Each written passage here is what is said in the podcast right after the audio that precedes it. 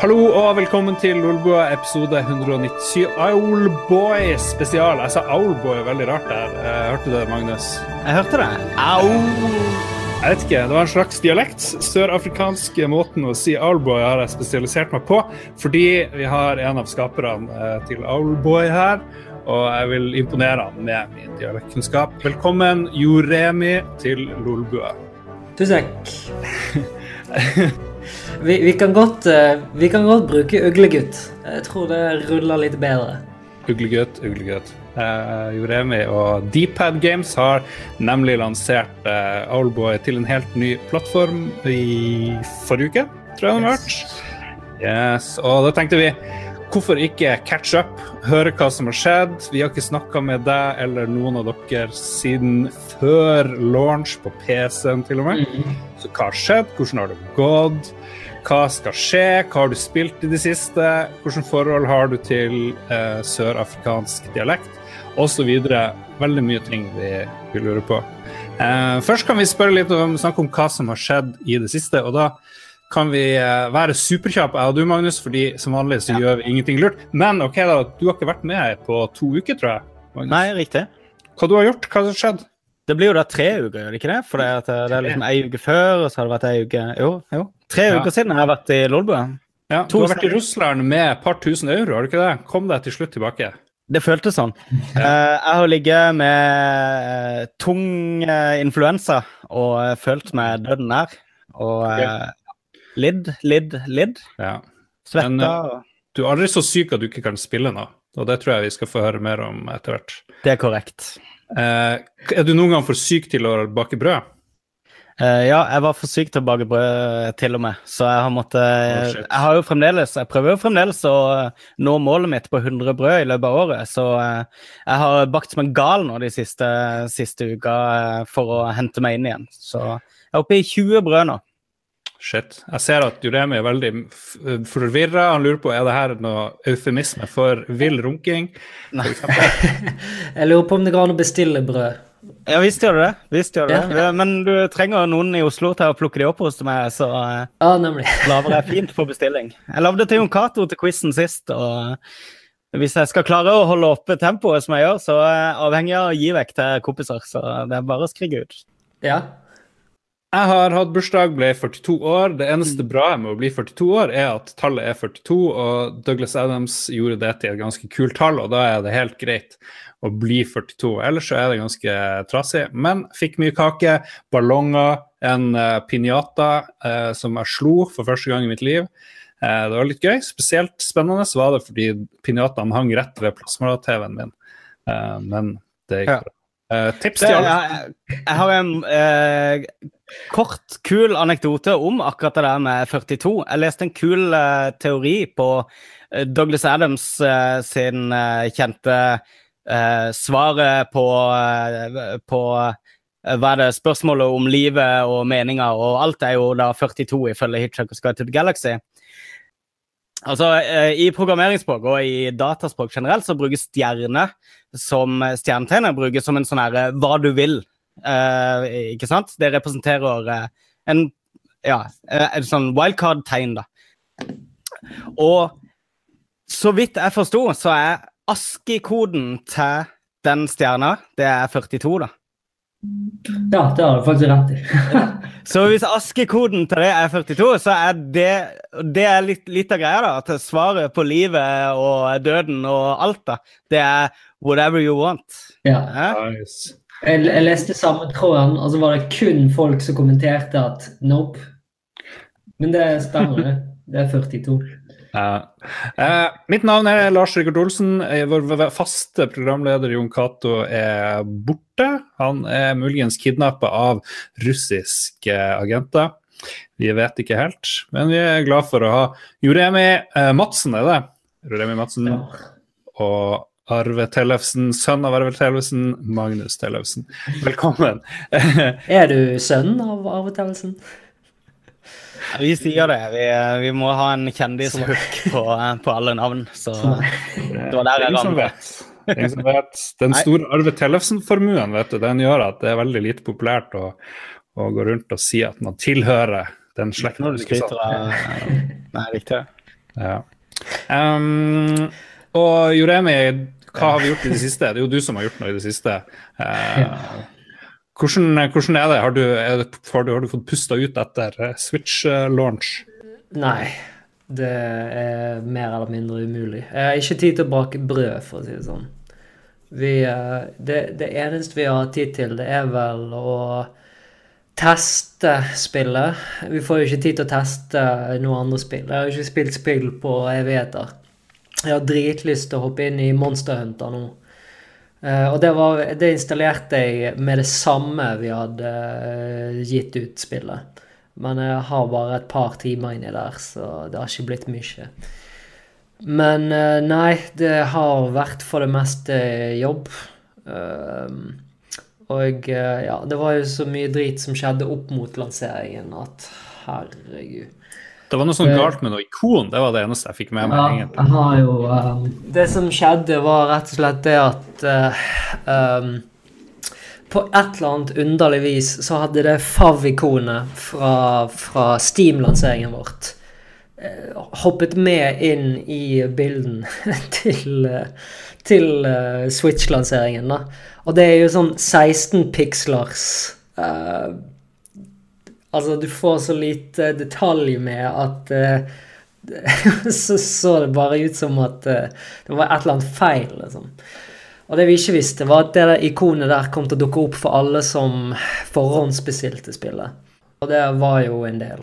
Så uh, grunnen til at det skjedde, var jo fordi at vi ikke hadde peiling. Det er jo for, det er jo aller første spillet vi vi har gitt ut sånn strengt tatt. sant? Men altså, var det snakk om oppløsninger på et ikon? Ja.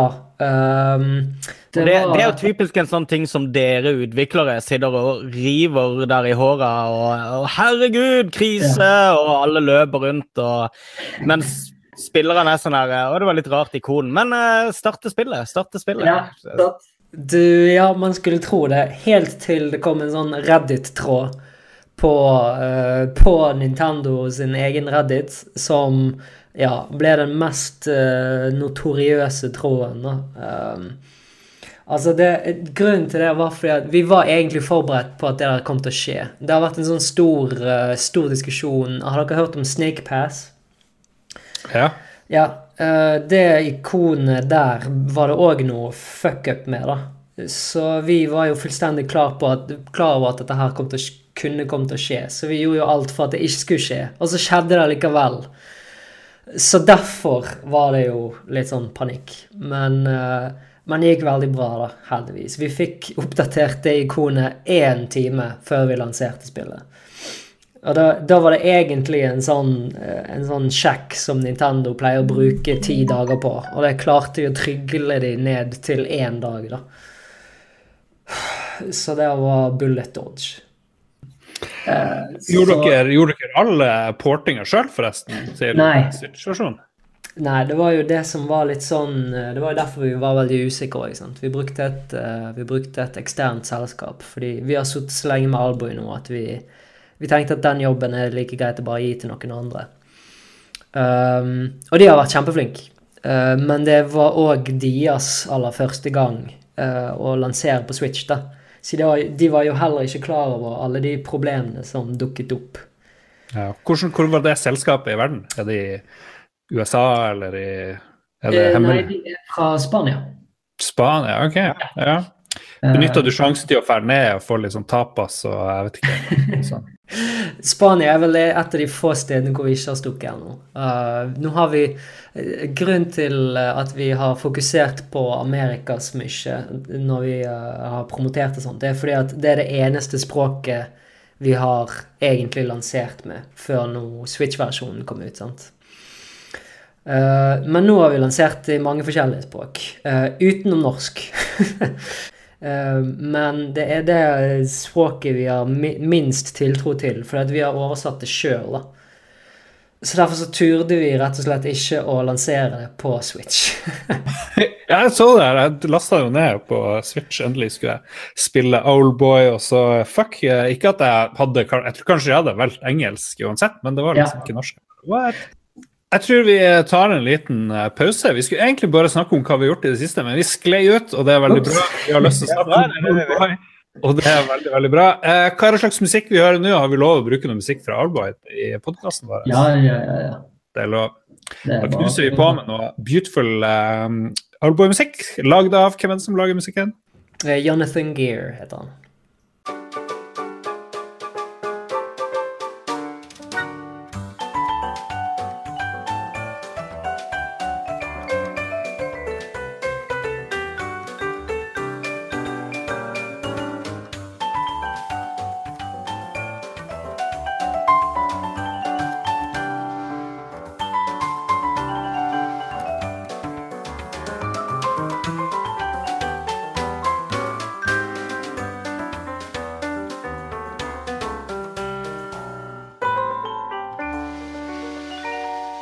Tilbake. Vi skal uh, prate mer Owlboy. Jeg har til og med forberedt noen spørsmål Uh, forhånd. Magnus har forberedt 20-30 spørsmål, tror jeg. Ja, noe sånt. Jeg har skrevet det på norsk, da, så jeg må oversette det litt i hodet. Eh, jeg tenker hvordan er livet nå sammenligna før launch? Er det, hva er de største forskjellene fra før? Eh, hvilken måned var det? November 2016? Oktober Ja. 2016? Og Der omkring? Ja, Uh, den dagen der var jo helt uh, helt syk. Altså det, det var veldig merkelig å våkne opp og så vite at vi hadde penger, for det første. Uh, vi, kunne jo, vi kunne jo sjekke Steam-tallet eh, med, en gang, med en gang det var gått en dag. Eh, og vi har jo lansert et spill før. Vi har jo eh, lansert Savant Ascent. Og der har vi jo fått eh, ganske god salg sånn egentlig, men det kunne jo ikke måle seg med Alboy i det hele tatt. Så bare det å vite at uh, vi kunne ta ut lønninger Det var jo uh, ganske absurd, egentlig. Nå har jo Etter ti år, liksom, så, Ja. så er det på tide. Vi har jo hatt sånne smålønninger her og der. Vi fikk jo støtte fra Filmfondet, blant annet. Men det forsvinner så sykt fort. Um, første gang vi søkte, så trodde vi jo at vi kom til å gjennomføre hele utviklingen. sant? Da søkte vi etter 100 000 kroner. Og det var i 2011. Så du Ja, 100 000 eh, var på, delt på tre som er fullansatte. Det varer i en måned. Ja, det er ikke kødd. Ja. Og da, jo, da kan vi jo også spørre, hva er det første du investerte i etter at spillet begynte å tjene penger? Var det noe spesielt du, eh, du tenkte ok, nå har vi litt cash, nå skal jeg kjøpe meg en uh... Leilighet. Uh, ja, det var det første. Eh, mer eller mindre Med det samme jeg hadde fått betalt den første lønningen, så hoppet jeg ut på finn.no og dypdykket. Vi har, vi, har jo, vi har jo bodd på eh, Askøy, sant? Uh, og det er jo et sted man uh, som er veldig koselig, men uh, hvis man har bodd der hele livet, så blir man litt sånn lei. det, man får sånn fucking Åmål-følelse over hele, hele øyen. sant? svensk filmreferanse? Jeg vet ikke om eh, The Kids kjenner til Nei, det gjør de kanskje ikke. ja, eh, for de som ikke har sett fucking Åmål, uh, go watch it. Jeg vet ikke om han er på Netflix, men uh, Jeg har liksom ikke sett eller hørt om den på ti år, i hvert fall. Nei, det er kjempelenge siden. Herregud. Det er litt weird. Um, Som eksil-kristiansander så kan jeg identifisere meg med den uh, sammenligningen. ja. Yes. Så bra. Ja, eh, og så um, ja, bar jo eh, veien inn til Oslo, da. Um, hvor jeg hadde en liten ferie. eh, en liten sosial ferie. Det var vel egentlig bare om å gjøre for sol, for det har vi sånn seriøst ikke hatt i Bergen på tre år. Eh, det har ikke noe Altså, man kan, eh, man kan godt si at det er pga. at jeg har sittet inne så mye, men det, faktisk, det har faktisk ikke vært mulig å gå ut og få sol i Bergen på tre år. Det er ganske forferdelig. Så, men, eh, men nå har vi heldigvis fått reist litt. Eh, Den, den andre tingen vi investerte i, var jo eh, å ta en reise gjennom USA, da. Eh, Vi var på roadtrip fra, fra Las Vegas til eh, El Paso, av alle steder. Nice. Kidnappa av eh, kartellene, eller? Jeg vet ikke. Hvor er, hvor er El Paso? Så, men heldigvis er vi noenlunde lokalkjent der, så vi vet hvor, ja, hva vi skal holde oss unna. Nice. Ja. Um, først så spurte alle om når spillet kom. Hva er det folk spør om uh, i dag? Eh, om å fikse eh, bugs. Spesielt på eh, Switch-versjonen. Um, vi har jo um, Siden det ikke har vært mulig for oss å debugge uh, Sånt blir mye, mer, mye vanskeligere når man porter til konsoll. Så har det òg vært tatt mye lengre tid å teste og ja, sørge for at alt er riktig, da. Så, men heldigvis så de, de som hjelper oss med å porte nå, de er såpass flinke at de har fikset det aller meste som folk har funnet. Så det skal vi patche veldig snart. Uh, og så, ja um, Folk har vel for det meste spurt hva vi jobber med nå. Uh, og vi har jo dessverre vært i den fellen hvor vi gjør veldig mye maintenance på Albury. Mm. Ja. Vi Klarer har- ikke å slippe taket helt? Nei, men samtidig så, så er det jo um, Har vi jo jobbet på ting i skjul, da. Um, men det gjorde vi egentlig før Alboy kom ut. Um, vi har jo en del prosjekter som vi ikke har uh, annonsert og holdt litt sånn under wraps. Simon gjør jo veldig mye uh, kunst og sånt uh, litt sånn på fritiden. Um, som man kan se på Twitteren eh, hans, da. Han gjør jo mye Megamann-greier og mye Ja, så det er riktig. Ja. Det kommer sånn der retro-shit, Ja, ja, ja. faktisk.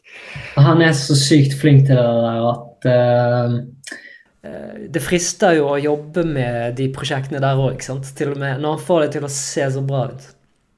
Um, men vi, vi har helst lyst til å fokusere på våre egne prosjekter, sånn egentlig. Vi har, vi har ganske mye å sette oss ned med. Vi må bare jeg vet ikke, prøve å ta en ferie. Ja, hva skal dere ta ferie? Uh, uh, Ikke noen åpninger i framtiden, ser det ut som. Så jeg skal, nå, nå skal jeg til Oslo i mars og ha uh, kurs i, i spilldesign. Eh, ja.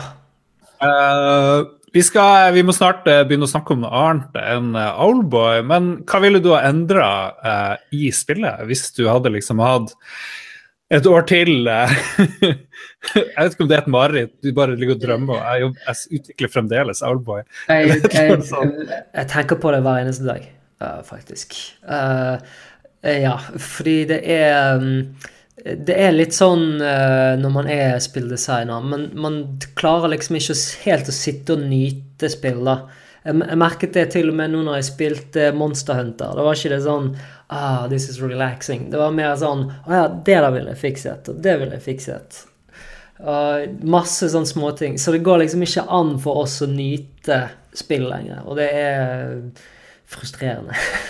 Det tror jeg gjelder fagfolk uansett. Eh, musikere har jo det samme når, de er, eh, altså, når du er på en konsert og du er musiker. Så sitter du og analyserer ikke sant? på en helt Ja. annen måte enn eh, enn hva lekmenn gjør. da. ja, det, det er det. Det, det eneste, jeg tror det eneste vi har sittet og kost oss med nå i det siste, det er Player Unknown, uh, Battlegrounds. Ja. Eh, fordi at uh, altså det spillet er jo egentlig utrolig crappy. Ja, jeg tenker også det. Det er ikke ment å være perfekt, ikke sant? Det, Så altså, alle kan se hvordan det spillet kunne forbedres. Men uh, konseptet er så uh, solid at man blir bare underholdt av det allikevel. Sant? Magnus, er det noe lurt vi bør spørre om, og Jurem, er det noe lurt vi, eh, vi bør snakke om før vi skal gå over til noe helt annet? Uh, det var jo et, et, et bredt spørsmål, vil jeg si. Ganske åpen. Jeg, jeg, nå vil lure på med, med Owlboy, er, er du ikke dritlei av å snakke om det? Jo. Er du ikke lei av å høre Skulle du ikke ønske det hette noe annet enn Owlboy?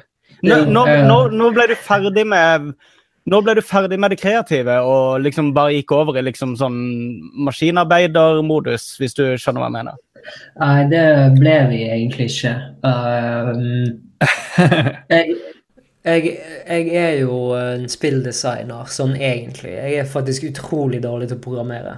Um, så um, det å gå over til sånn strukturell Altså sånn det, det, kjipeste jeg vet om, det er å lage menyer, f.eks. Det er så bullshit at spillet i det hele tatt trenger det. Uh, men så har du sånne folk som Total Biscuit, som ikke vil touche spillet ditt med mindre du har en heftig meny inni der. Sant? Så da må vi nesten gjøre det. Um, og så er det jo uh, andre ting som uh, f.eks. Uh, oversettelser og sånt. Det var utrolig kjipe greier å jobbe med. Fordi vi vet jo ikke om noen ting er ordentlig oversatt i det hele tatt. Uten den norske versjonen, selvfølgelig. Mm. Er det rart så. å se på når folk spiller spillet deres nå for første gang, da? Og se liksom folk som ler og blir sånn entusiastiske. 'Å, sjekk der! Å, det var gøy!' Sånn. Er, det absurd eh, for dere? Det er jo Dere har jo spilt litt. Ja, man blir litt sånn nervevrak med tanke på at man vet om alle de feilene som er inni der. Eh, men, men, det føles veldig uh, godt òg, fordi uh, de ukene som ledet opp til faktiske lanseringen, så trodde vi jo at alt kom til å gå rett til helte. Men eh, så lanserer det, eh, og så viser det seg at det var jo ikke noe spesielt stor deal allikevel. det, og det, akkurat samme følelsen hadde vi sist, og når vi lanserte som Sendt. Det er bare at vi lærer jo ikke ut av det. Vi, vi klarer liksom ikke å slappe av. Bra. Vi kommer til å nevne uh, Oldboy litt senere i lytterspalten, hvor uh, folk som hører på, uh, kommer med sine geniale spørsmål. Og Vi snakker altså ikke om den koreanske filmen 'Oldboy', for de som har gjort den feil. Tenk alle de som har hørt en halvtime nå tror vi snakker om Oldboy. du, da du spiste den blekkspruten Joremi i Oldboy, fortell om den scenen der. Jeg, jeg så den igjen ganske nylig, og heldigvis hadde jeg glemt alt som den filmen hadde å by på. da. Som er helt utrolig at jeg gjorde, fordi uh, ja, Hvis du har sett denne der én gang, så burde man egentlig ikke glemme. Nei, never forget. vi tar en pause og er straks tilbake med hva vi har spilt i det siste.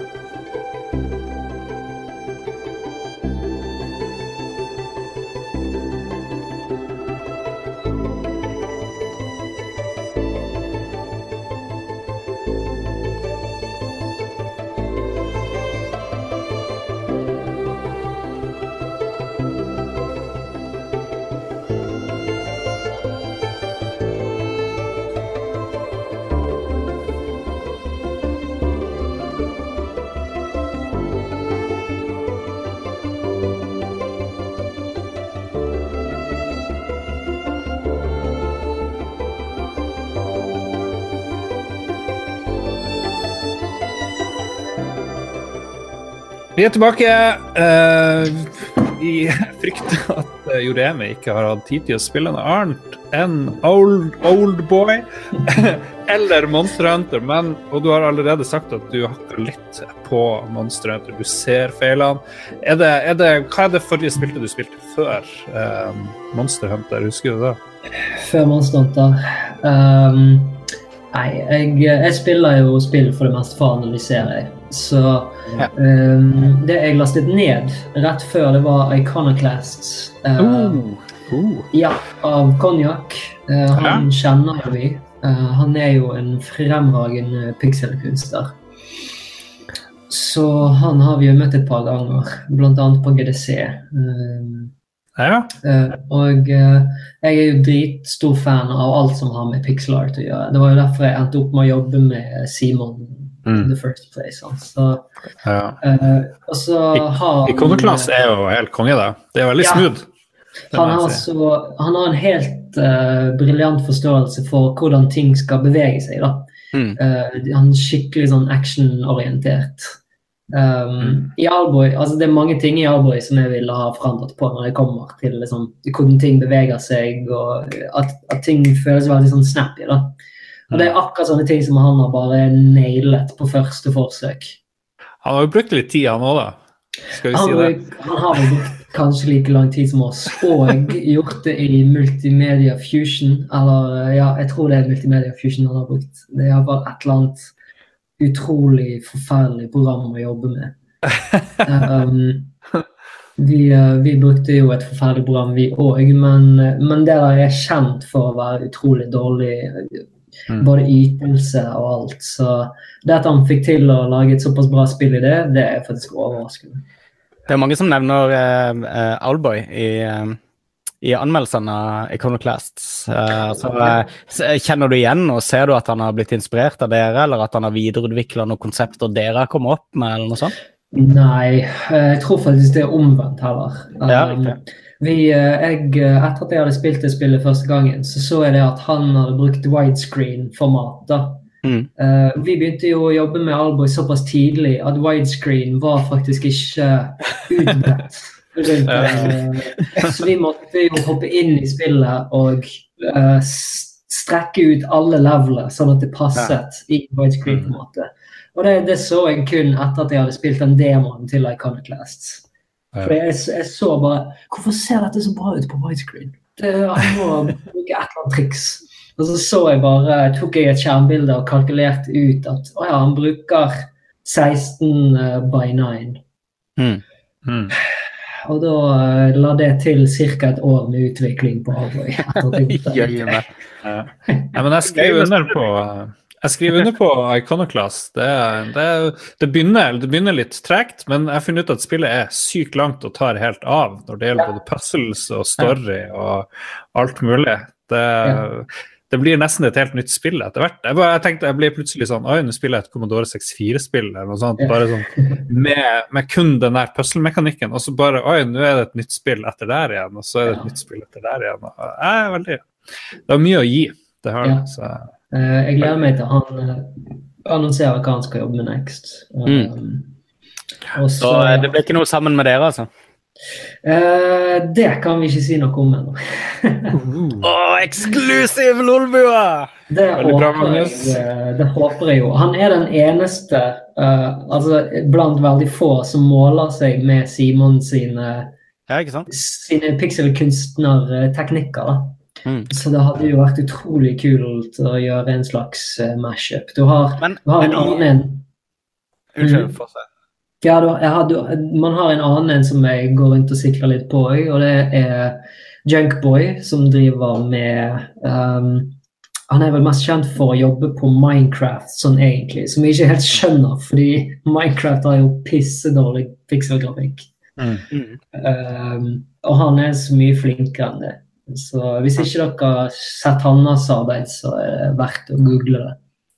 Men er det, er det en fordel å ha altså Simon har jo en veldig sånn en veldig tydelig, markant stil da, og måte å gjøre ting på. Er det en fordel å hente inn andre som liksom har like sterke kunstneriske visjoner? Er, blir det bedre av det, eller blir det svekka av det, tror du? Tja, det aner vi jo ikke ennå.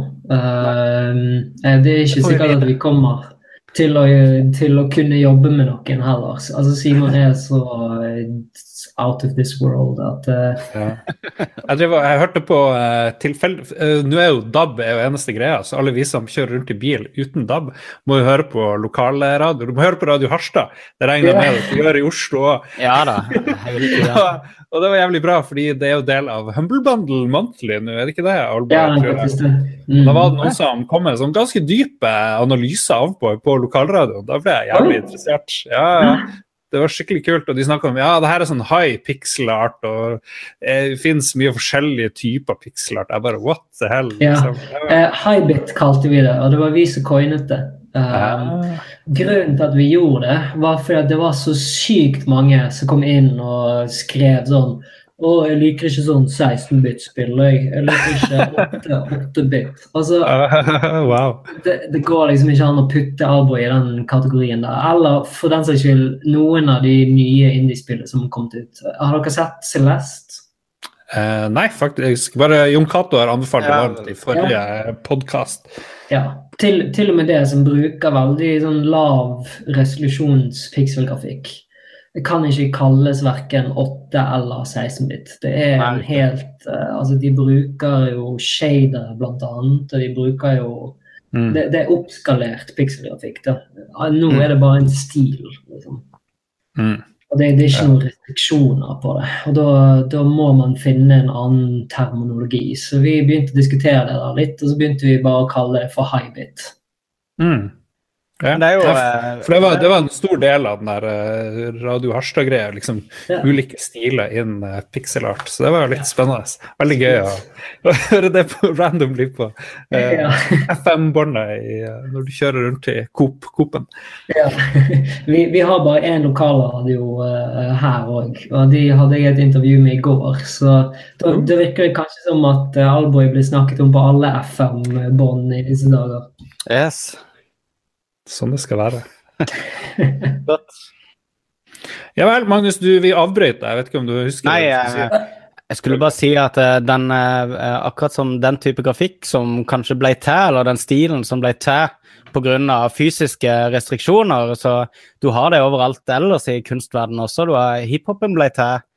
Altså, De brukte platespillere fordi at eh, folk hadde ikke råd til instrumenter i uh, gettoen i USA. Så det at eh, du fikk en helt ny måte å lage musikken på, men det betyr jo ikke at, at at du er nødt til å ha de samme restriksjonene i dag for å lage det. Du videreutvikler stilen, men, men opphavet er jo henta fra å ikke ha så mye å rytme som, som da den gamle 8-bit- og 16-bit-grafikken. Ja, og det, det der gjelder jo, ja, som du sa, alt. sant? Til og med, til og med soundtracks og sånt. Før i tiden. Ja. Super Nintendoen og eh, Nesten og sånt. Du, du merker det når i, i de senere spillene, når de skikkelig begynner å finne ut av hvordan de skal unngå de restriksjonene og lage helt syke tracks, liksom. Mm. Det er, det er mange av de som, eh, som har gjort uh, Som har klart å cheate systemene på helt utrolige måter. Vi skal straks høre hva Magnus og jeg har spilt i det siste, men eh, jeg fikk lyst bare å det, Har du en eh, topp tre uh, pikselgrafikkspill all time, uh, Juremi, bortsett fra Owlboy og Ja, bortsett fra deg sjøl? Um, Fass er et av de. Um, det, har, det har ikke så mye detaljer i seg, men, um, men stilen er så utrolig gjennomført. At, Det er så konge. Har du møtt uh, Phil Fish noen gang? Uh, nei, uh, jeg har preget med ham på e-mail, men ikke i personen. Men ja, han, han ga seg jo, han. Eller han Det vil si, han jobber vel kanskje litt mer i kulissene nå. Ja. Du spurte ikke kommer det, hvorfor kommer det ikke Fest 2, liksom? Engang. Jeg turde faen ikke nevne det. Kommer det virus i neste mail? ja. I don't know, open this. uh, det, det går ikke. Uh, jeg håper nå for hans del at han får eh, roet seg ned litt etter alt som skjedde med det der. Ja. Eh, og så, ja Videre så har du jo eh, selvfølgelig Iconoclasts, det har jeg jo allerede nevnt. Eh, på tredjeplass uh, Shit, hva skulle det være, da? Um, Av nyere ting så har du den der Sonic-tingen. liksom en av de- Sonic Mania var sykt bra gjennomført, ja. Eh, men tingen er det at der, den pikselgrafikken der var jo egentlig har man jo sett før. da. De har jo bare raffinert den bitte litt. Ja, ja. Uh, Sonic var jo favorittserien min når jeg var ung. Ja. Hva du syns du om Axiom Verge, forresten? Um, det syns jeg var kult, men jeg uh, suger jo i spill, da, så jeg kommer ikke særlig langt. Men uh, også liker jeg ikke noe særlig den NES-stilen. Uh, Mm. Jeg kom litt forbi akkurat den. Uh, men det var et grådig kult konsept. De òg møtte vi jo når vi var på Pax. Ja, kult. Jeg runda det. Jeg er ganske fan. Det var, Ja. eh, blir ikke du imponert over folk som lager, liksom, de lager grafikk, kode eh, og så og musikk i tillegg? Liksom. Ja. Det jeg skjønner ikke at det går an, egentlig. Spesielt musikkdelen. Ja. Uh, det er noe som jeg har hatt lyst til å finne ut av lenge hvordan man gjør, men det, det klarer jeg bare ikke. Um, det er derfor uh, jeg er glad vi har folk på teamet som tar seg av det. Ja. Da tar jeg bare og, og sier at uh, Monkey Island er de tredje favoritt... Ja. Monkey Island 2, vel å merke. ja. Herregud, LucasArts hadde mye fint på den tida. ja. Nei da, vi, Uh, vi, vi kom oss nesten til en topp tre. Det, kanskje vi fullfører den en annen gang. ja. Uh, jeg fyrer opp, uh, opp Steam-libraryen mitt for å se her nå. Ja. I mellomtida så kan du fortelle hva du har spilt i det siste, Magnus. Vi, vi har ikke snakka med deg på tre uker. og Du, er, Ja, du har, du har lovt at du har aldri spilt så mye i hele ditt liv. Jeg har spilt helt sykt mye. Du, når du ligger og er syk, så uh, I hvert fall jeg, da. Når jeg er syk, så, så har jeg veldig sånn konkret uh, Konkrete krav til hvordan spill jeg har lyst til å spille. Og det, de skal være uh, episke og hjernedøde. Så jeg vil ha storslagne spill som ikke krever for mye av hjerneaktiviteten min, men det må være storslått og, og episk, da. Eh, Så jeg prøvde meg litt rundt. Jeg spilte vel en 10-15 timer på The Last of Us, som jeg har bestemt meg for at dette skal rundes. Mm. Um, som var litt Det var too soon etter uh, Horizon, rett og slett. Jeg må gi det litt mer tid.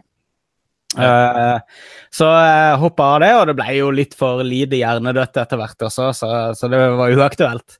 Så jeg, jeg landa egentlig da på Assassin's Creed Origins. Som Uh, er kanskje den teiteste serien jeg vet om, av de populære spillseriene. Jeg, jeg har egentlig aldri digga noen av spillene i serien. Jeg, de, de kommer liksom sånn nesten i mål med alle spillene, men jeg føler alltid at de ligger sånn Hvis de hadde gitt ut dette spillet for fem år siden, så hadde dette vært dritbra, tenker jeg alltid når jeg spiller det.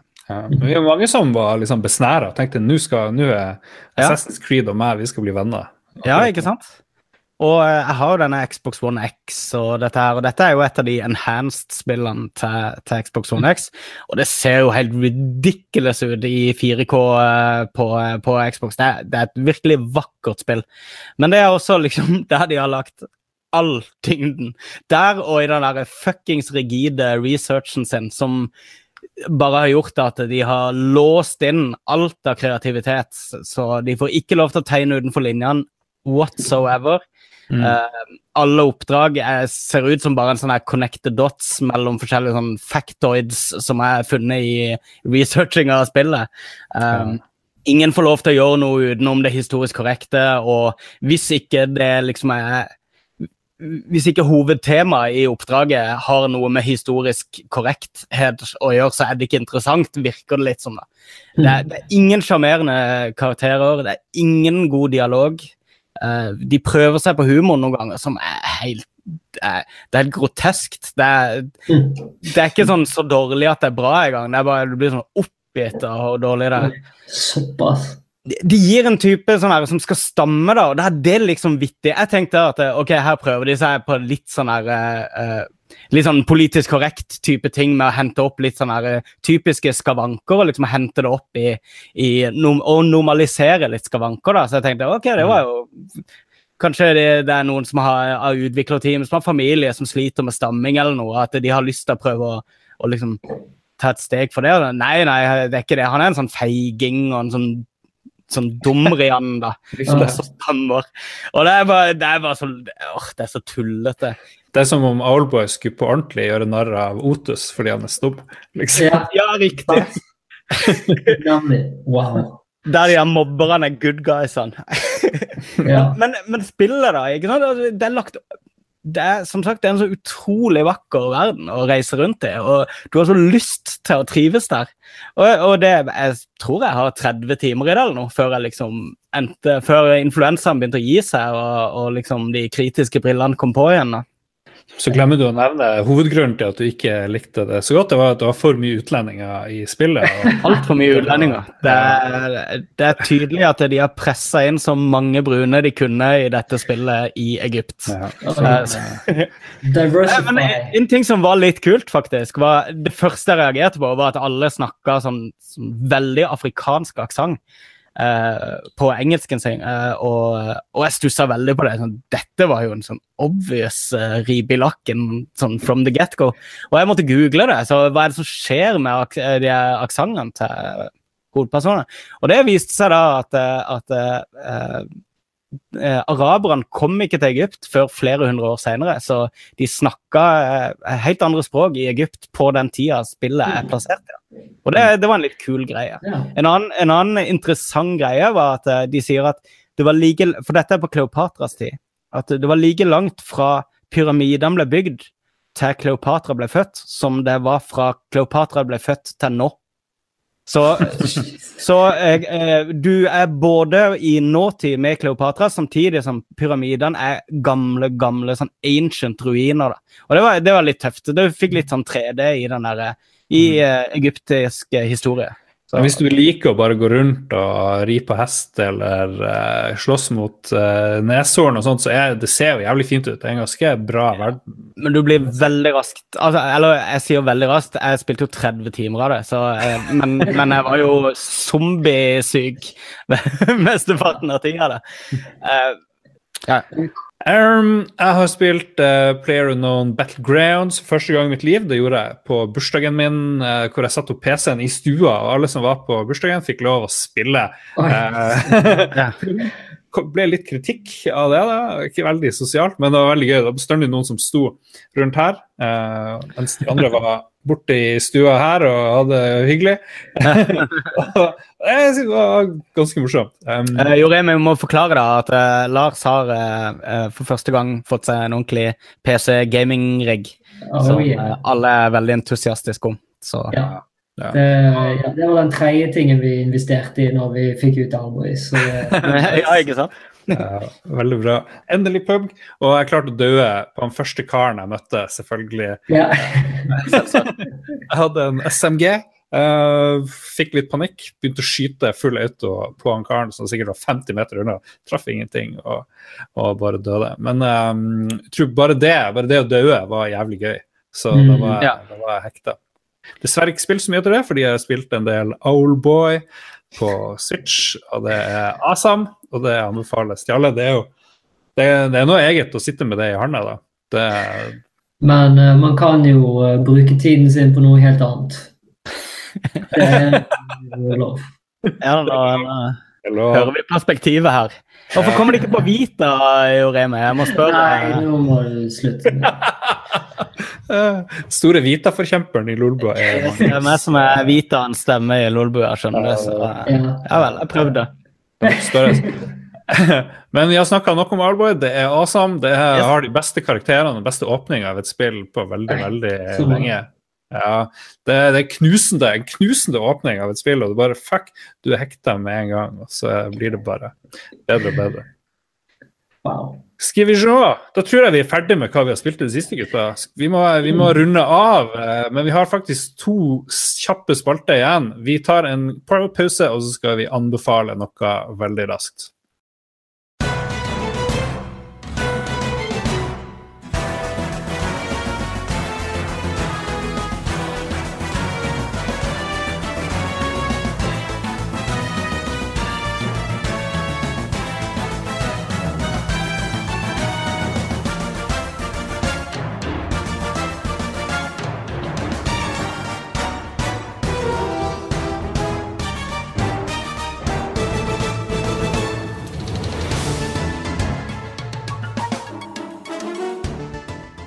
Owls are not what they seem, sa de i verdens beste TV-serie. Men vi skal kvitte oss med The Owls eh, akkurat nå og hoppe over til noe helt annet.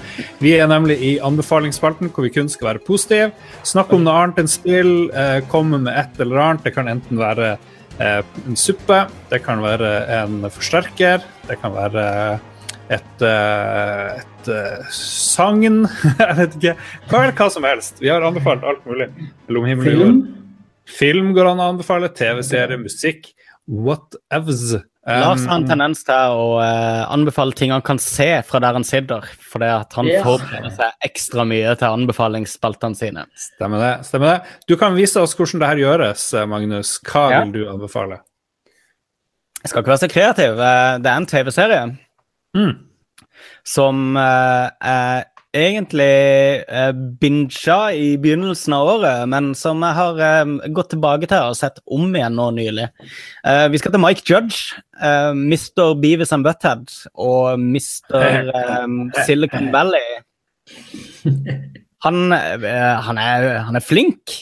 Han har en veldig kul finger på pulsen på, på nye konsepter, og, og han um, har en ekstrem fascinasjon for the bad boys of country.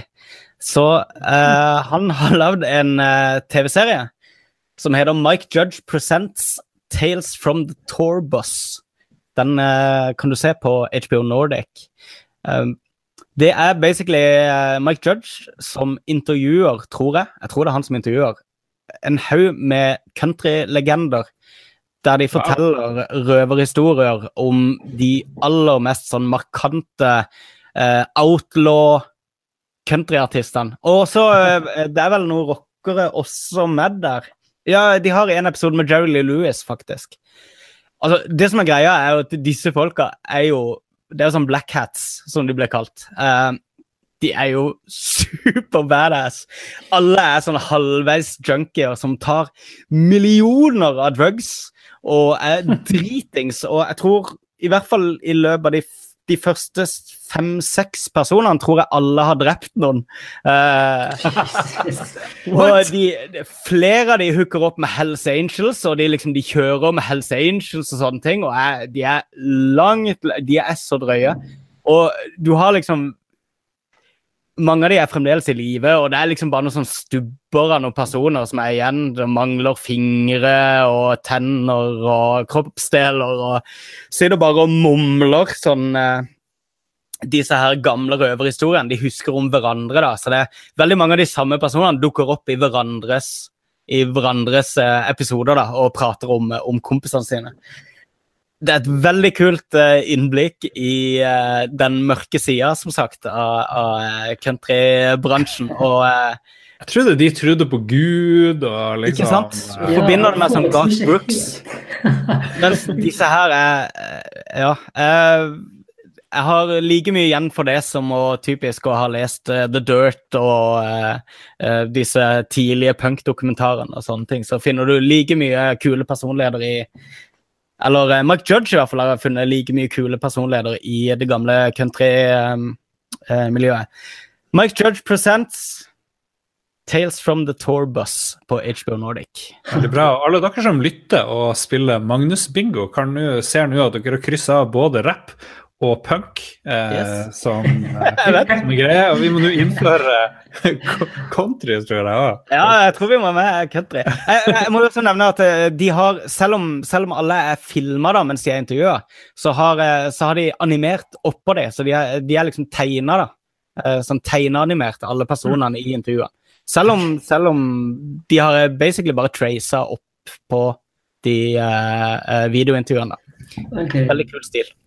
Holy balls. Ja vel, spennende. Veldig bra anbefaling, eh, Magnus. Uh, Joe Remy, nummer én, hva kaller de deg i USA, egentlig?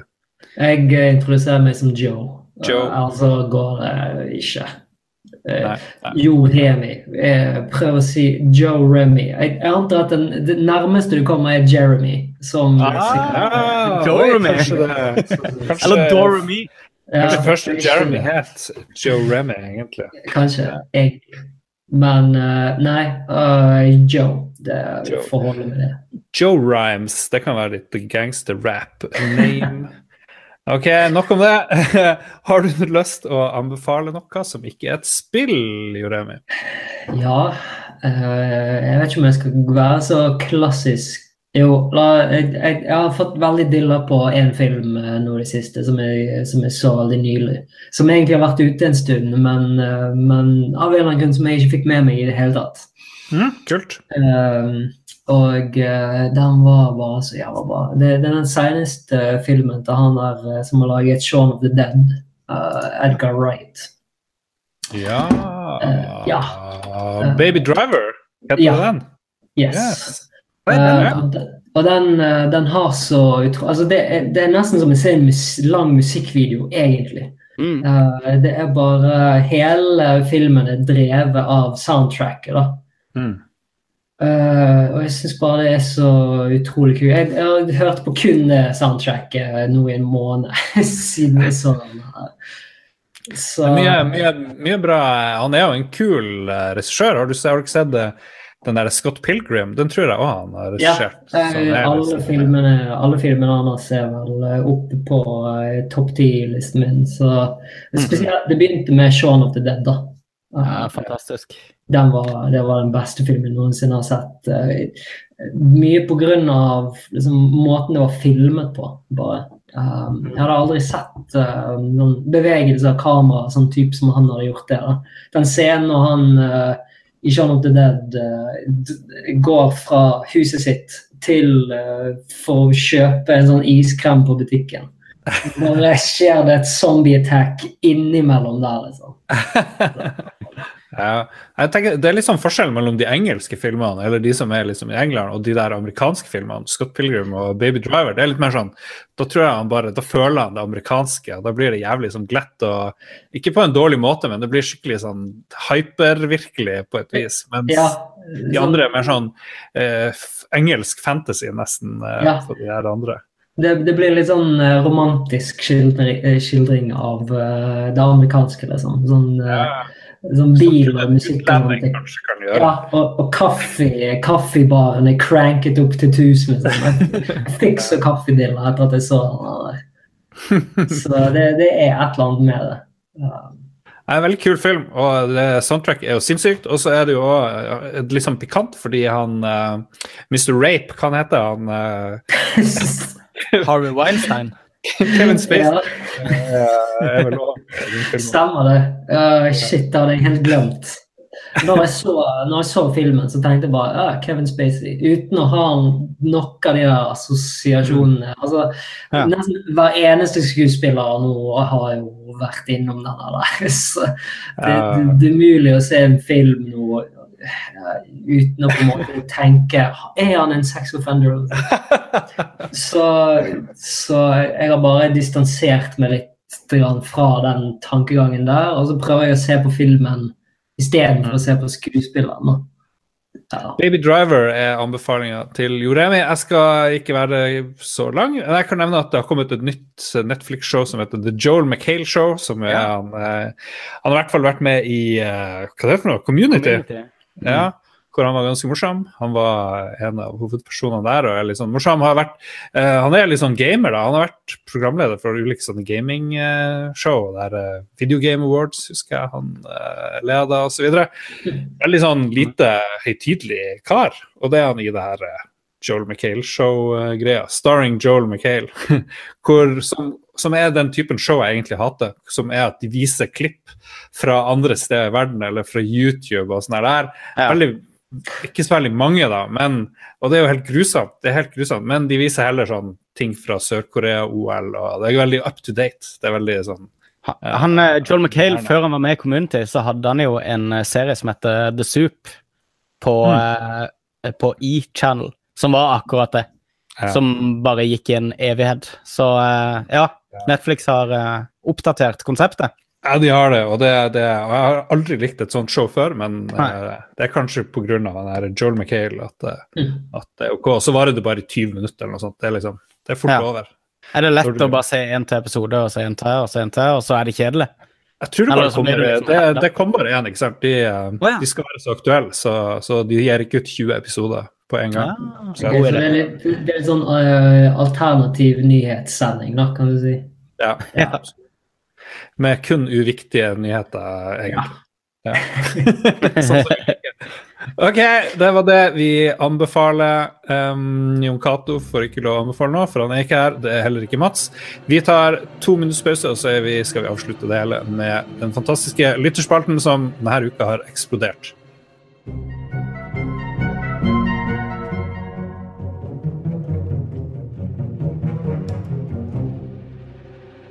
Vi er tilbake. Vi har masse spørsmål. Vi har spurt Vi har masse svar, beklager. Vi har spurt hva er tidenes beste spill med dyr i hovedrollen, og er noe spesielt vi bør spørre Joremi om. Eh, litt sånn åpen, åpen spalte i dag. Eh, Raymond Eikås Kaspersen lurer på, Joremi, hvordan har den isolerte tilværelsen på øyen påvirka utviklinga av Owlboy? Hilsen Askøyværing. Ja. Eh, det har gjort at vi kunne konsentrere oss eh, om utviklingen, da, heldigvis. Bra. Så ja. Um, uh, en av tingene som uh, var veldig greit, er jo det at vi, vi har jo fokusert mye på å holde oss litt for oss sjøl. Nå har jo, nå har jo Spill-Norge faktisk blomstret så sykt rundt oss. Um, når vi begynte, så var det ikke mye indier i Norge. Um, om det var noen i det hele tatt. Um, de begynte å poppe litt opp etter uh, at Krillbite uh, dukket opp, uh, annet. Som lagde Magni Sleep. Uh, og i disse dager så holder de på med musikk. Det er jo eh, Ja, Jon Cato er Ja, vi, vi nevner det behørig her. Han Eh, så, eh, så det å være litt sånn isolert, det har, eh, det har både funket til vår fordel, samtidig som det har vært litt sånn eh, Fordi vi har jo hatt lyst til å ha litt mer kontakt med, med folk. Spesielt innenfor egen industri. da. Derfor du flytta til Oslo, blant annet, kanskje? Ja, det var det. Da fikk jeg plutselig preiket med mange. De, de fleste har jeg jo fulgt litt med på hvordan vi har utviklet ting. sant? Uh, Og jeg anbefaler jo, sikkert ikke sterkt nok, men at de ikke må følge vårt eksempel i det hele tatt. De, de Hva er deres eksempel? da? Det er jo det å jobbe med dette her som det er livet sjøl. Ja. vi har jo Som er satset, kynisk. ja, vi har jo satset alt, sant. Og det har jo gått mye utover uh, ja, eh, fritid og ting som vi egentlig skulle skulle Mm. fått eh, fokusert litt mer på, da. Um, og hadde vi hatt litt mer restriksjoner og sånn, så hadde vi nok blitt ferdig med spillet litt tidligere òg. Hadde det blitt like bra, tror du? Eller Det er umulig å si. hadde det blitt det samme spillet? Dere kunne jo brukt halvparten av tida og gitt ut et spill, men Det hadde ikke blitt det samme. Nei, Nei. for det, det utviklet seg så sykt opp gjennom tiden. Den Ja. introen som vi nevnte i sted, det var jo en ting som vi la til veldig seint i utviklingen. Mm. Uh, fordi eh, det var en sånn eh, Det var noe som vi hadde lyst til å fortelle. Uh, litt den der med at vi har feilet igjen og igjen og igjen på å gi ut spillet. Mm. Og det er den introen der en slags refleksjon på. Mm. Så Kjetil Frugård eh, oh, ja, sorry. Nei, eh, fortsett. Kjetil Frugård spør om uh, dere har planer om å gi det ut i uh, fysisk format snart. Det Eh, er ja. samlinger, sier han. 29. mai. Uh, da kommer det på PlayStation og Switch. Hey. Nice. Yes. Så, eh, og det, det koster faktisk omtrent like mye som det gjør digitalt. Så Pluss at vi inntil da har vi jo fått fikset alle, alle greiene som vi har, nå har blitt rapportert. Sant? Så det er nesten sånn at jeg kan sitte og anbefale den versjonen. Hvis det- uansett har plass i hyllen sin, så det en fin manual i eh, Eh, coveret? Den, holder vi på å eh, ta et overblikk over nå. Så Ja. vi håper jo at det blir bra. Det skulle ikke vært lov å gi ut manual på mindre enn 50 sider, eller noe sånt der, spør du meg. Det var de der gode, gamle, tjukke manualene. Jeg, før så kjøpte jeg spill kun pga. Uh, manual. Jeg husker sykt godt når jeg spilte boulder Gate uh, og Neverwinter Nights. Mm. Jeg, jeg spilte kanskje ikke spill i det hele tatt. Men manualet de kan jeg ut og inn. Alle historiene og alle kistene. og Da jeg jobba i spillbutikk, så var det sånn at eh, hvis det kom to flysimulatorer på likt, så kom kundene inn, og så ba de om å holde, holde esken. og så tok de det tyngste spillet. Ja, men det er ikke kødd. Jeg husker jo at flysimulatorer hadde noen jævlig tjukke manualer. Ja, shit. Det, der er det vel fremdeles sånn at du, eh, du må jo ta et kurs for å kunne spille flysimulator. Konge. Um, siden de er alle de her spørsmålene til deg, så skal du slippe å lese dem sjøl, for jeg tror du er og lurke inne i sendeskjemaet her. eh, Juremi. Kan det Det stemme? er meg som Nei, jeg, eh, jeg, jeg, er vi live nå? Ok. ja, nei, nettopp. Da er det, da er det Magnus. Uh, uh, uh, René Bjerkås lurer på har Juremi tall på hvor mye Owlboy har solgt på PC, og hva er forventningene eh, til salg på konsoll? Veldig Ja. hard numbers-spørsmål her. Ja, på PC. Nå har vi jo akkurat uh, blitt med i den Humble Monthly-en. Eh, og bare derfra fikk vi om lag uh, 350 000 eh, kopier.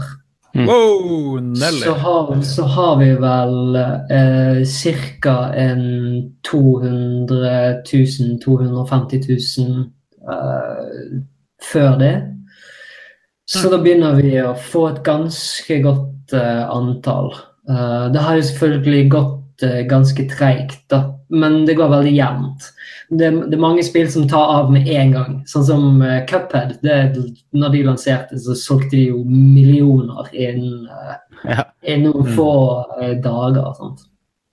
Uh, mens vi, vi har ikke hatt råd til markedsføring. Når vi, når vi lanserte Alboy, så var jo vi lutfattige.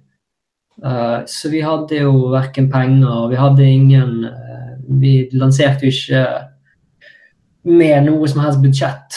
Så vi har vel egentlig bare uh, vært sånn avhengig av å få ganske gode review scores. Og ja, sette, salg, sette spillet på salg på Steam i ny og ne. Og det har hjulpet grådig. Så Mm. Men en, hva det blir en 500 000? Det er jo veldig få spill som selger, som, og det skal fremdeles ut på tre konsoller, egentlig. Så ja, men det er ganske mye. Ja, men husk også det at vi har jobbet med det i ti år. Så jeg har solgt eh, 50 000 i året. Ja, så vi eh, det, det er ikke sånn i forhold til um, forhold til mye, så har det jo uh, gjort det egentlig ganske bra.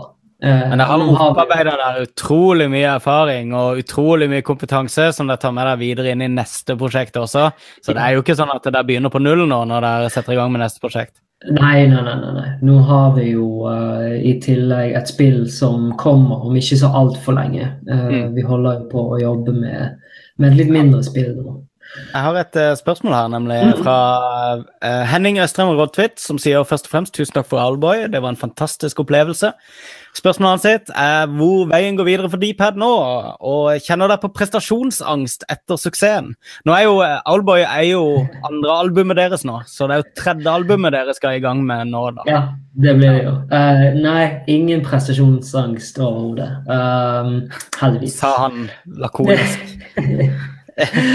For, for min del, eh, jeg er jo ikke kunstneren på prosjektet, så jeg kan jo bare snakke for meg sjøl. Um, eh, jeg er jo bare eh, På Alboy var jeg programmerer, um, og så, ja Det er jeg som driver selve selskapet, da.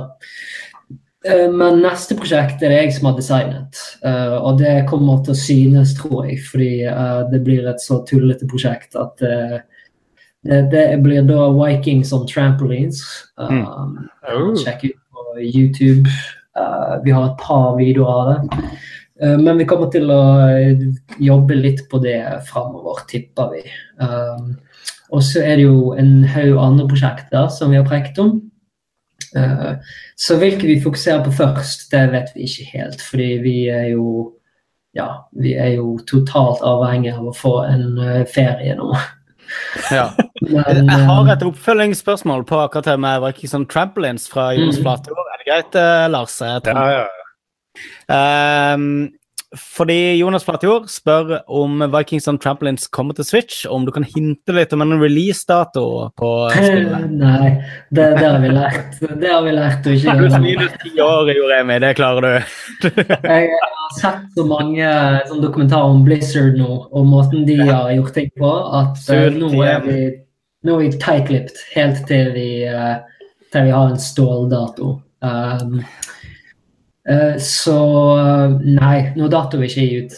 Hva med en eh, Switch-utgave? Er det planlagt for Switch? det, det blir mye enklere for oss å oppnå nå, iallfall. Mm. Um, så jeg vet ikke vi, vi er jo eh, ikke så gode til å planlegge sånne ting. Uh, Iallfall ikke på forhånd av et prosjekt. Så vi, vi kommer egentlig til å gi det ut der som det passer best. Og heldigvis for oss så passer jo Vikings eh, veldig bra til Switch. fordi at allerede når du har én kontroller, Mm. så har du to kontroller egentlig. sant?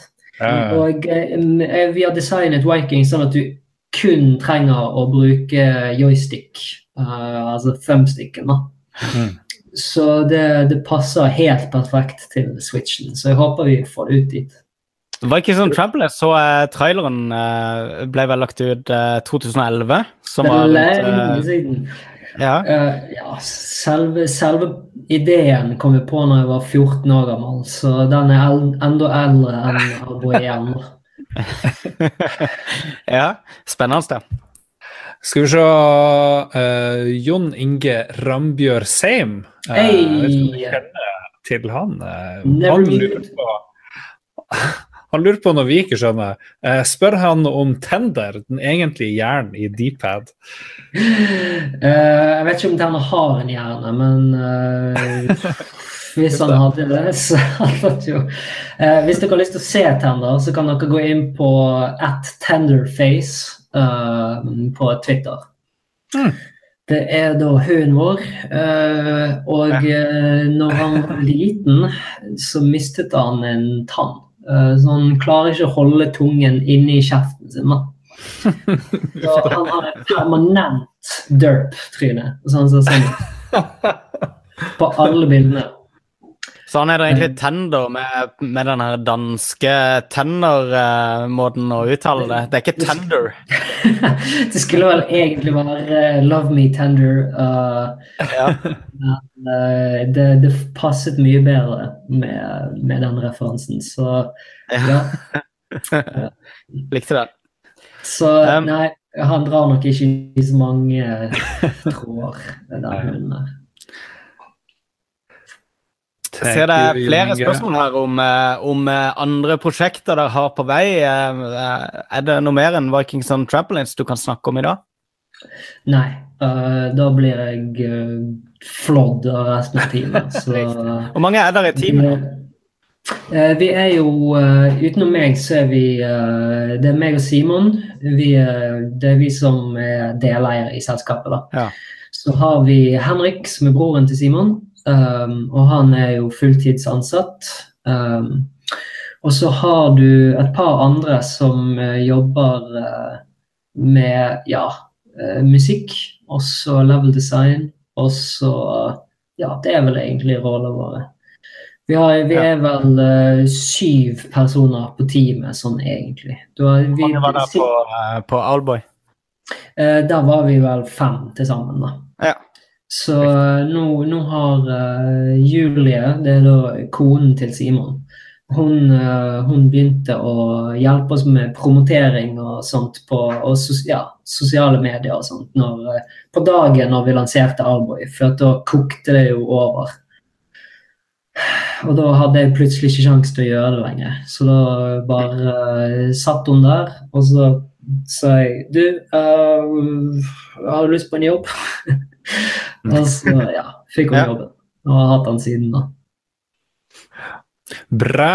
Vi spurte jo også om hva folk sine favorittspill med dyr i hovedrollene var. Vi skal ikke snakke så mye om det. Vi kan bare kjapt nevne at Katarina Berg Røe nevner Crash Bandcoot. Og han Jonas Flatjord, som vi nevnte tidligere, han nevner Fess. Jeg vet ikke helt om det er dyr. Jeg vet ikke helt hva Fess er for noe. Det er Liksom, hva er et dyr, hva er ikke et dyr? Ja. Um, et hvitt hamster, antar jeg. Det, blir, det kan bli fort filosofisk der. Og så var det noe som het Zool til Amigaen, som Ja. jeg tror var en al- ninja-alien. Og det, jeg vet ikke, det, det, det går utafor det hele. Trygve Bjelgåvåg er litt morsom. Han har et motiv der. Han snakker om Snake eh, på, i mobilspillet, eller yeah. Solid Snake fra Metal Gear Solid. Eh, igjen veldig filosofisk. Og så enda mer filosofisk. Bubble Dragons teller vel som dyr i Bubble Bobble. Ja, det gjør det vel. Jeg, jeg har Fabeldyr. Ja, jeg tenker, er Bubble Bobble er det en sånn uh, eh, heroin Jeg vet ikke, sånn her uh, rusdrøm, hele greia? Det tror jeg. Ja. Jeg, når, jeg var, når jeg var liten, så trodde jeg faktisk det. Uh, det var jo det var 100 leveler i det spillet der. Oh. Vi, vi fant det spillet i, på, mens vi var på sydenferie. Uh. Og så husker jeg det var første gangen jeg har turt å bare snike sånn småmynter fra mamma sin eh, sånn veske. For å kunne, kunne komme forbi level 20. Men det klarte vi aldri. gateway game. Ja. Nei, det, det var, broren min var for liten til at jeg anså han som et menneske da vi spilte Commodore 64, men Bubble Bobble det kunne vi spille i lag. Det var liksom Ja. våres, eh, våres Spilte jeg også i coop med storebror. Mm. Vi Ja. runda det på trainer mode, husker jeg. Uh, Den melodien her, altså, den sitter fremdeles uh, i ryggmargen og kommer frem når jeg minst ønsker det. Uh, magisk. Karsten Solheim nevner Donkey Kong Country. Eh, det er jo en classic. Og så kommer det uh, Kajitan i Oblivion. Nja, Ja. jeg vet ikke. Eh, hva er det? Ratchet og Clank. Det er vel et slags dyr, en av de. Eh, best tidenes beste spill med dyr i hovedrollen, sier Dennis Brkovic, er uh, Sonic the Hedgehog. Mens det søteste spillet med dyr i hovedrollen er New Zealand Story. Ja, Og det, er vel, det var vel oppfølgeren? Nei, nei, det var kanskje ikke oppfølgeren til Bubble Bobble. Eh, Nå blander jeg det med New, New Zealand. Story. New Zealand Story var den New der, Zealand den der um, gule fuglen. Jeg tenkte på Rainbow Island, eller Ja. hva det er. Ja, riktig. Ja. Anyway, eh, han nevnte Amiga-versjonen. Skal vi se uh, Bla, bla, bla. Superfrog osv. Masse spørsmål om oppfølgere til Alboy og flere prosjekt, men det får bli en hemmelighet til neste Er det ingen som vil si uh, Sam Max? Jeg er litt, uh, må si, er litt skuffa der, over at ingen har nevnt uh, Sam Max. Ja. Bra, da kom vi oss levende gjennom enda en sending. Vi hadde en trang fødsel med mye sånn ekko i lyden til noen, så vi hadde litt vanskelig med å komme i gang. Men jeg føler nå vet vi mye mer. Vi er mer smartere eh, og mer empatiske, og kommer derfor til å gjøre verden bedre. Er dere enige? Eh, Jeg er helt enig. Et, etter hvor mange episoder? 200? 300? 197. Etter Ja. Dette er 197, ja. Wow. Ja, og så har vi jo det store problemet med når skal vi ha episode 200, for vi kan ikke ha det når vi lager den 200. episoden. Vi, vi må, så det blir sånn episode 197,1, 197,2 Episode 200 blir i april en gang. Blir det ikke det, Magnus? Vi går over til sånn binære Ja. eh, Vi er binære tall, de, eh, eventuelt sånn latintall. Ja, det blir en live greie i Oslo, mest Ja, det gjør det. sannsynlig. Vi holder på å jobbe med, med akkurat det. Jeg og Jon Cato skal faktisk møte noen i morgen som kanskje skal være involvert i akkurat det, uten å si noe mer om det. Veldig bra. Og Joremi er selvfølgelig invitert, akkurat som alle våre gamle gjester. og Håper du dukker opp der. Ja. Vi først si uh, tusen takk. By the way, Joremi, du har en stor rack av sånn her merch uh, rett bak deg, ved siden av deg. Ja. Er det, er det mulig å få tak i det på noe vis? Ja, Uh, vi, eh, det er bare til å sende oss en lyd på Facebook eller Twitter eller hvor som helst, så kan vi fikse det. Du, du kan òg Har dere ikke en store på nettsida eller noe? Jo, eh, vi har en. eh, fans Nei. eh, fans for fans, et eller annet. Uh, de pleier å hete We Love Fine. Um, og det, tingen er at uh, shippingen er dyrere enn selve figuren. Og så kommer momsen og toll og Ja, så Ja. hvis uh, siden dere kun har norske lyttere, så er det bare til å ta kontakt med oss direkte, så skal vi fikse det. All right. Nice. Sjekk ut eh, Switch-versjonen og PC-versjonen og Humble Bundle-versjonen og etter hvert PlayStation og Xbox-versjonen av uh, Owlboy, for det er mm. sykt bra. Eh, kanskje det beste norske spillet noensinne. Oi! Eh, ja. Let's go there. Let's go there. og så gleder vi oss veldig, sånn som alle dere som hørte på, hva som kommer videre. Men det, er- vi chiller. Vi, vi gir guttene litt ferie. Jeg føler, jeg føler liksom Jeg er ferdig med å mase på, på Dpad, eh, Ja. egentlig. Ja. det er bra. Det, vi, uh, jo mindre mas vi kan få, jo bedre nå. Men, bra. Tusen takk, tusen takk, for at du uh, tok turen innom. Ja, det, jeg kommer til episode 200, så uh, Ja, det gleder vi oss til. Det gleder meg. Skal vi si farvel? Til... Gjør det, Magnus. Kom med et, et avskjedsvisdomsord, Magnus. Hva har vi lært egentlig, da, Lars? Hva føler du at moralen av historien her? Jeg vil si 42.